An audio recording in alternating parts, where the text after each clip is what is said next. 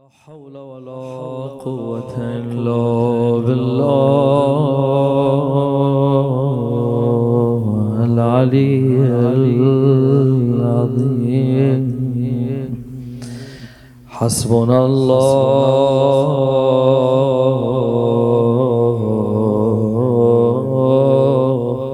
ونعم الوكيل.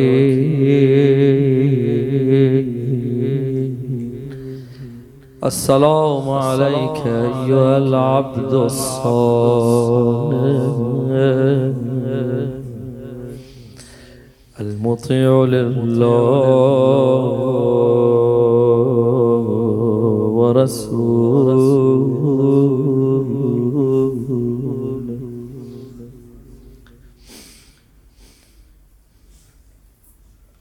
لعن الله من حال بينك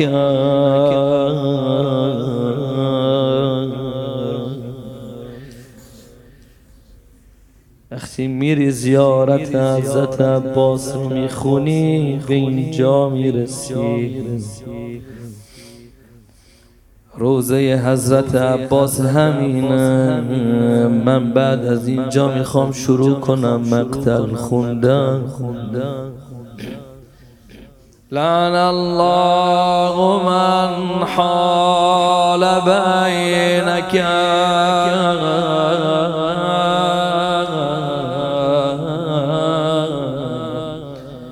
وبين ماء الفراق.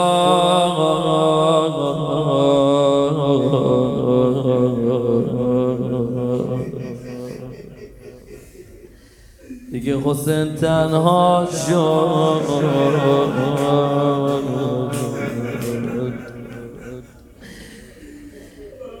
از این طرف تنهایی حسین.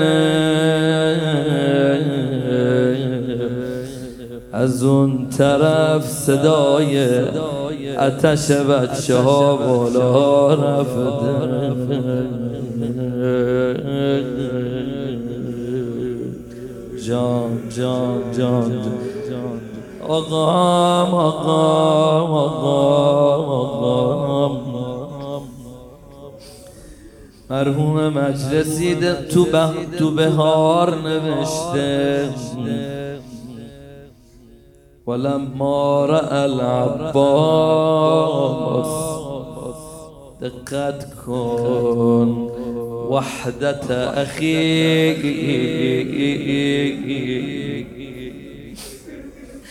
دید برادرش تنها شده.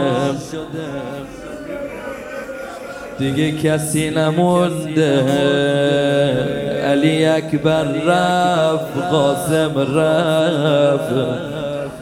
اونو جعفر رفتن برادرای عباس رفتن.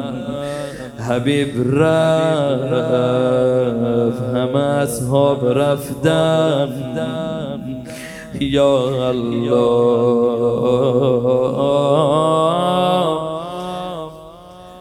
صدای بچه ها داره میاد بریده بریده.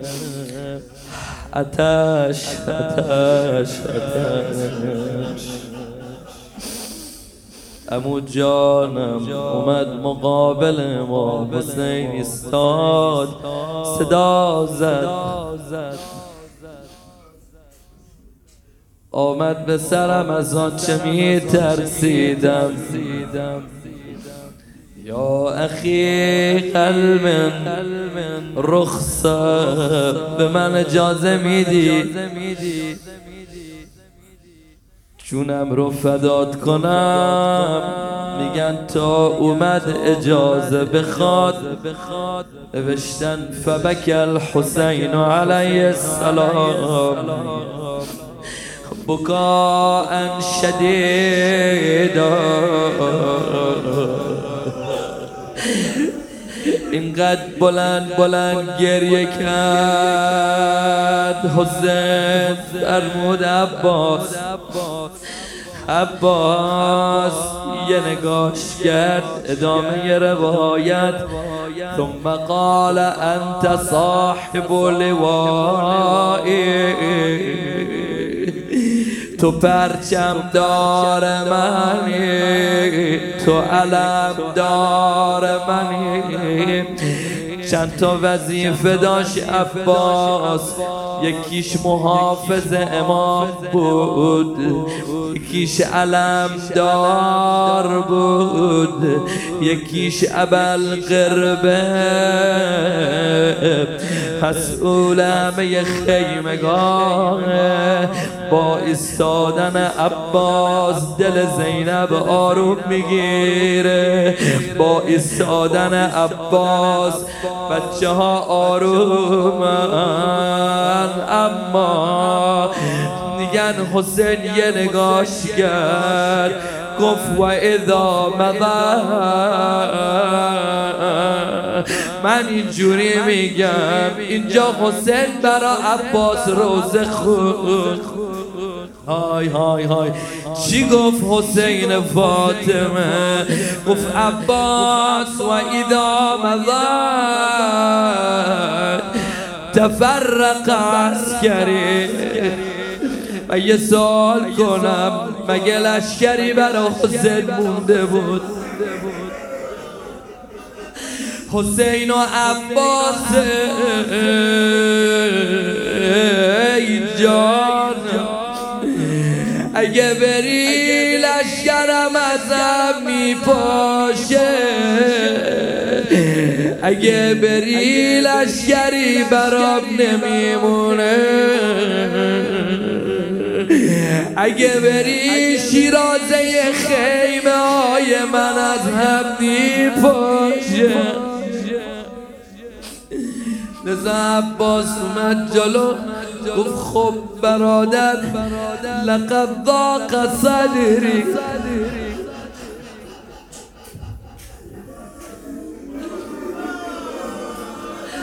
دیگه سینم سنگین شده. و تو من الحیات. از زندگی دیگه خسته شده از یه طرف بچه ها میگن امو آب امو آب امو آب امو از این طرف می‌بینم علی اکبر اربن ارباردم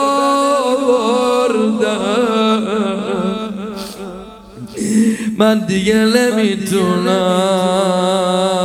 آقا.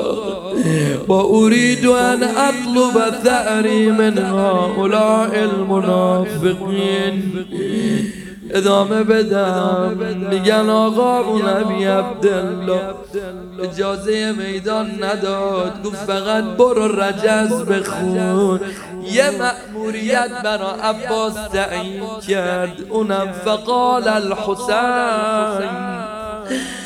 فاطلب لهؤلاء الأطفال خلیلا من المال یه ذره برو برا بچه ها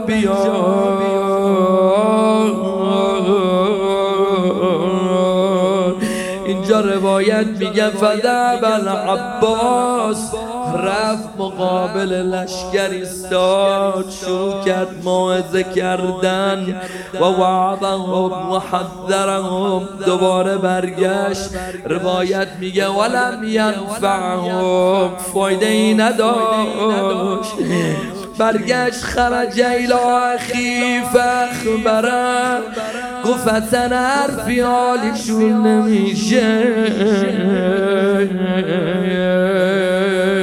همچین که داشت با عبی عبدالله می‌زد. روایت میگه فسمع الاطفال. فسمع الاطفال ينادون العطاش العطاش. برم جلوتر صدای بچه ها که رسید به گوشش فرکی به فرسه. یا الله آخرین نگاه رو به مولا انداز. آخرین بار که به خیمه رباب داره نگاه می‌کنه. نمی‌دونم اگه علی از غر رو دید و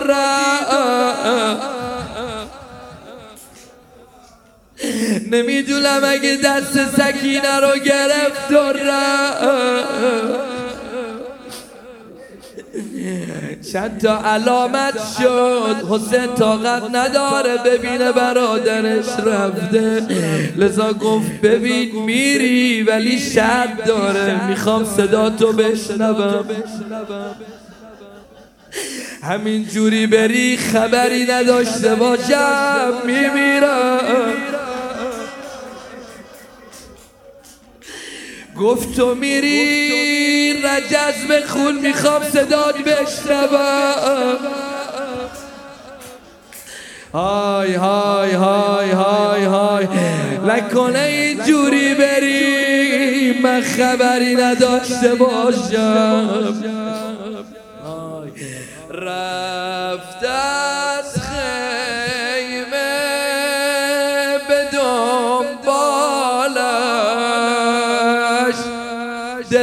ارباب رفت. رفت از خیمه به دنبالش. حرم از تاب رفت.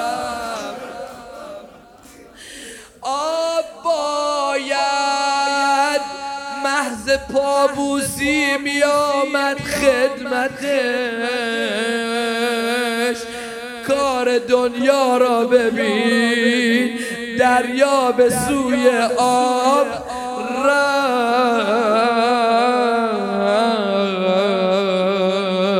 سقای دشت.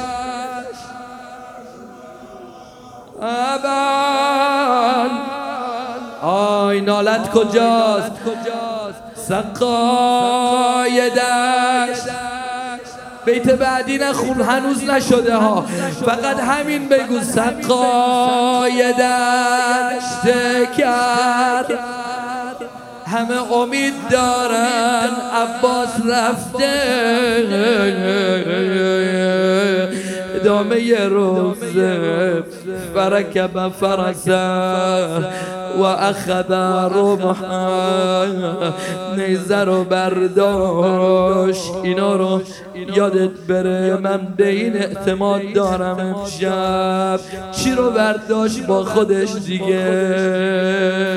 همه برن جلوتر از من. گفتم فرکب فرسه و اخذ ربحا اصلا عباس با اینا کار نداره. چی رو برداشت با خودش؟ ثم اخذ القربه مشک رو برداشت. و قصد نحو الفرات فأحاط بي أربعة آلاف ممن كانوا موكلين بالفرات. چهار هزار نفر محاصرش کردن و بالنبال. اول تیر بارونش کردن فکشفهم عباس اینا جرأت نمی کنن لشکر رو شکاف و قتل منهم على ما ثمانین رجلا حتی دخل الماء وارد شریعه شد یا الله نگاش به آب فرات افتاد.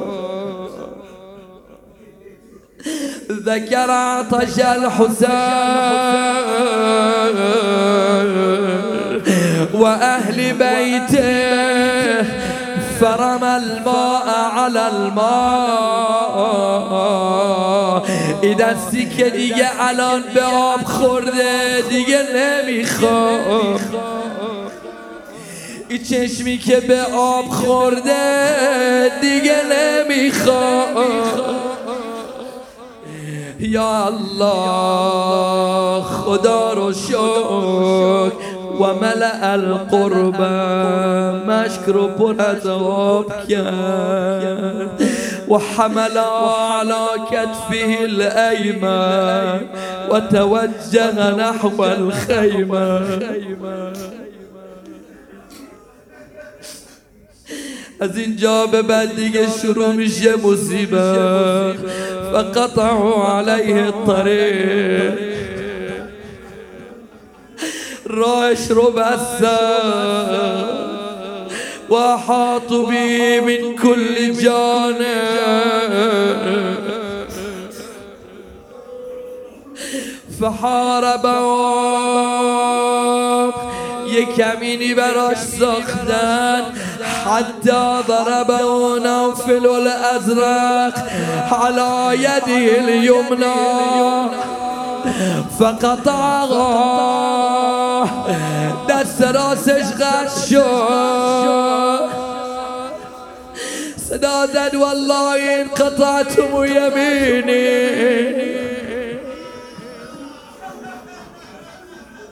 باشه. دستم و زدی ولی مشکم و دارم. فحمل القربة على كتفي الأيسر. يا الله فضربه نوفل فقطع يده اليسرى من الزار سری مشک رو به دندام گرفت.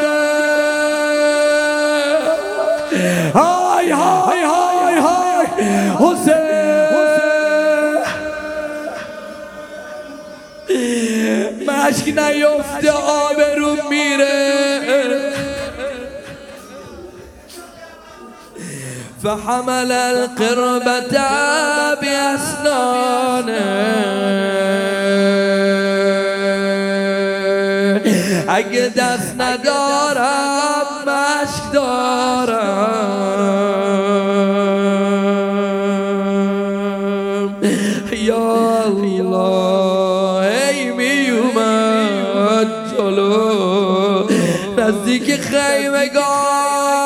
مقاه الرابي بيقى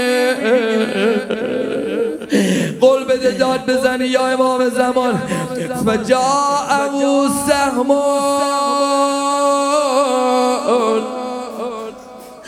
فأصاب القربة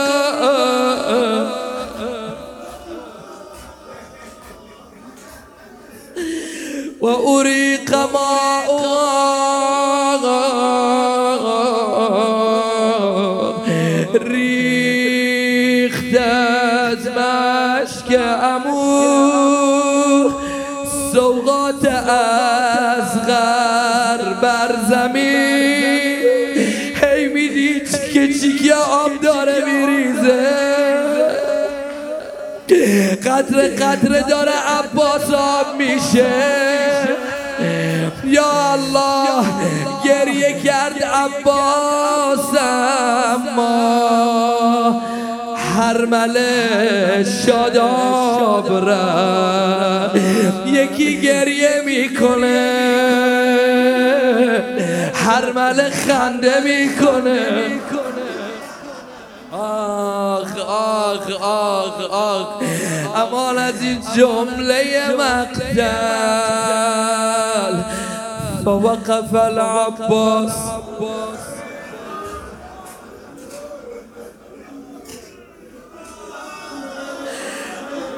آبروی زمینه عباس متحیره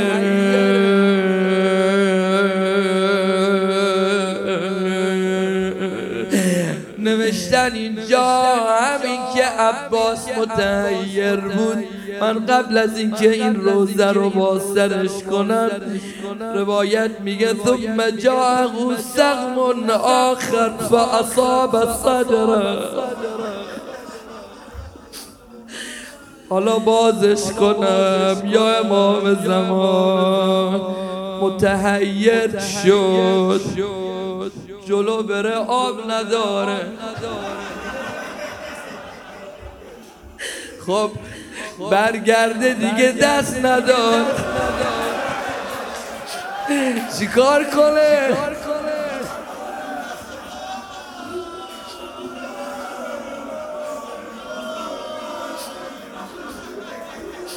آی چیکار کنه عباس؟ تو بگو عباس باید چیکار کنه؟ مقتل مقرب نوشته. یه همه یه لشکر فهمیدن دست نداره. دیگه نمی‌تونه دفاع کنه. عمر سعد ملعون گفت دست دست بریزید. از از پایین بیاندازینش. کسی جرأت نمی‌کرد بیاد جلو میگه یه عده‌ای می اومدن. دور عباس همه فرار می‌کردن هی رفتن هی اومدن. کسی جرأت نمی‌کرد. یه مرتبه میگن شمر یقه یکی رو گرفت. گفت کجا فرار می‌کنی؟ مگه نمیگید عباس دست نداره؟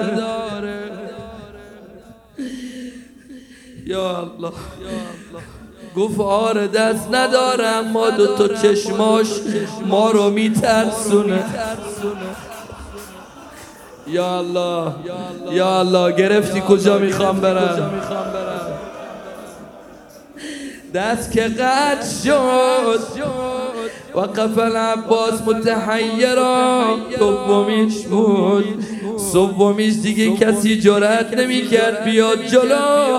همین که چشماشون تو چشمای عباس میافتاد دوباره برمیگشتم. لذا گفت من کارش رو تمام می‌کنم. صدا زد گفت هرمله کجاست؟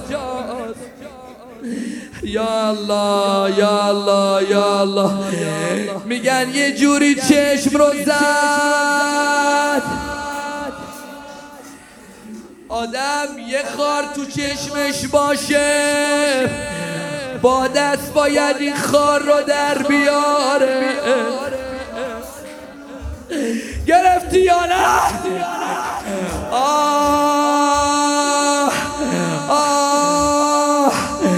اما عباس دست نداره. هر کاری کرد نشد. سر رو تکون داد. تیر بیرون نیومد. دوتا زانواش رو آورد بالا. سر رو خم کرد. کلا خودش از سرش افتاد. دشمن گفتن ها جای سالمینه. فضربه بالعمود على رأسه.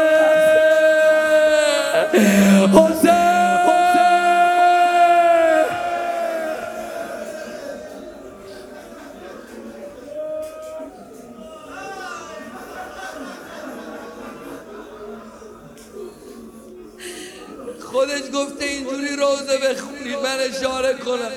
یه کسی که می‌خواد از بالای بلندی رو زمین بیفته اول دستاشو می‌گذاره صورتش آسیب لبینه. یا الله فانقلب عن فرسه. وصاح الى اخيه الحسين أدركني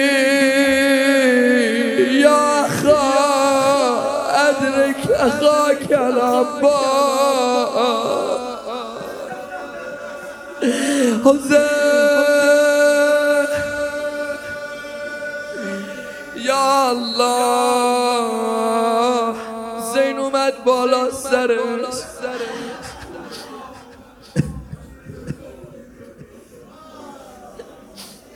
دقت کن. فلما اتاه. یعنی به محضی که امام حسین چشمش به چشمای عباسش افتاد. رآه سریعا. سریع به کسی میگن که اصلا دیگه نمی‌تونه تکون بخوره.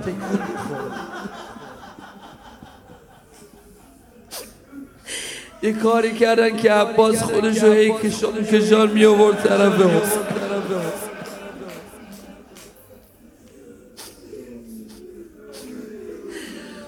فبكى الحسين وقال الآن انكسر ظهري وقلت حيلتي. اومد بالای سرش سعی کرد این بدن رو جمع کنه.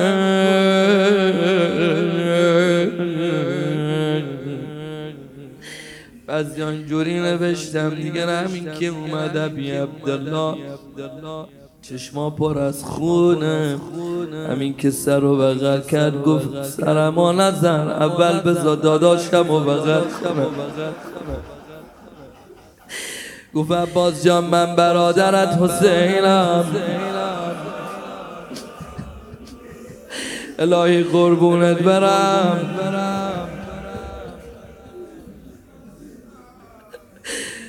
قدع قدع شدی عباس من.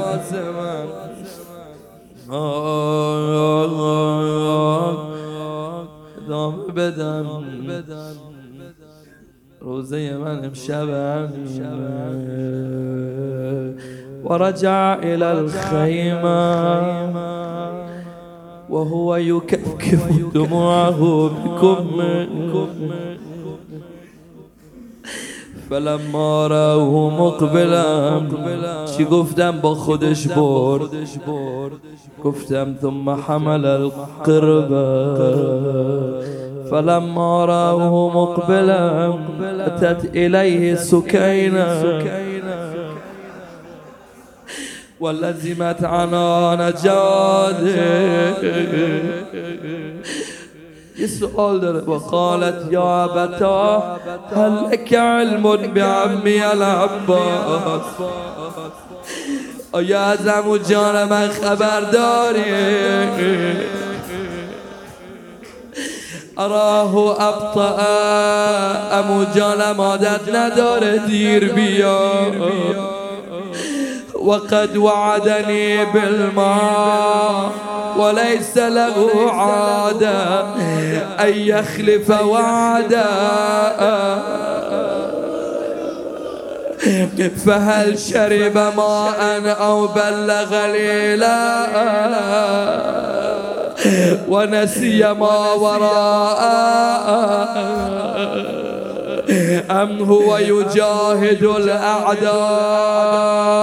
فعند بك الحسين عليه السلام.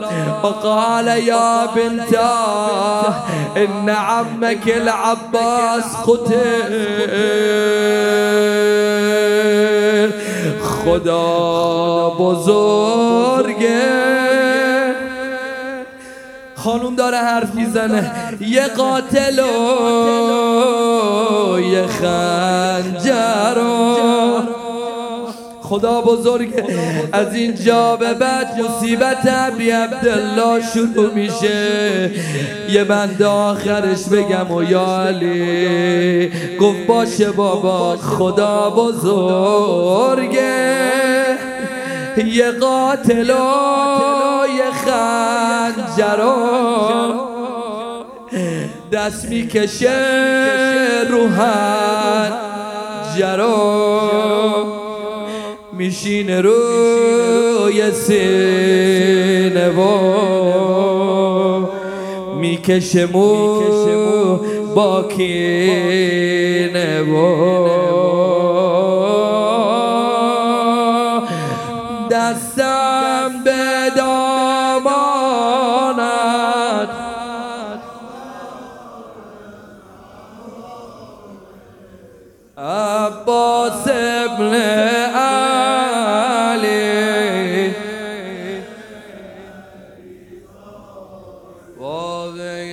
کرب و بلا غوغاس حرم تنهاست. حرم تنهاست. حرم تنهاست. وای از خیمه های بی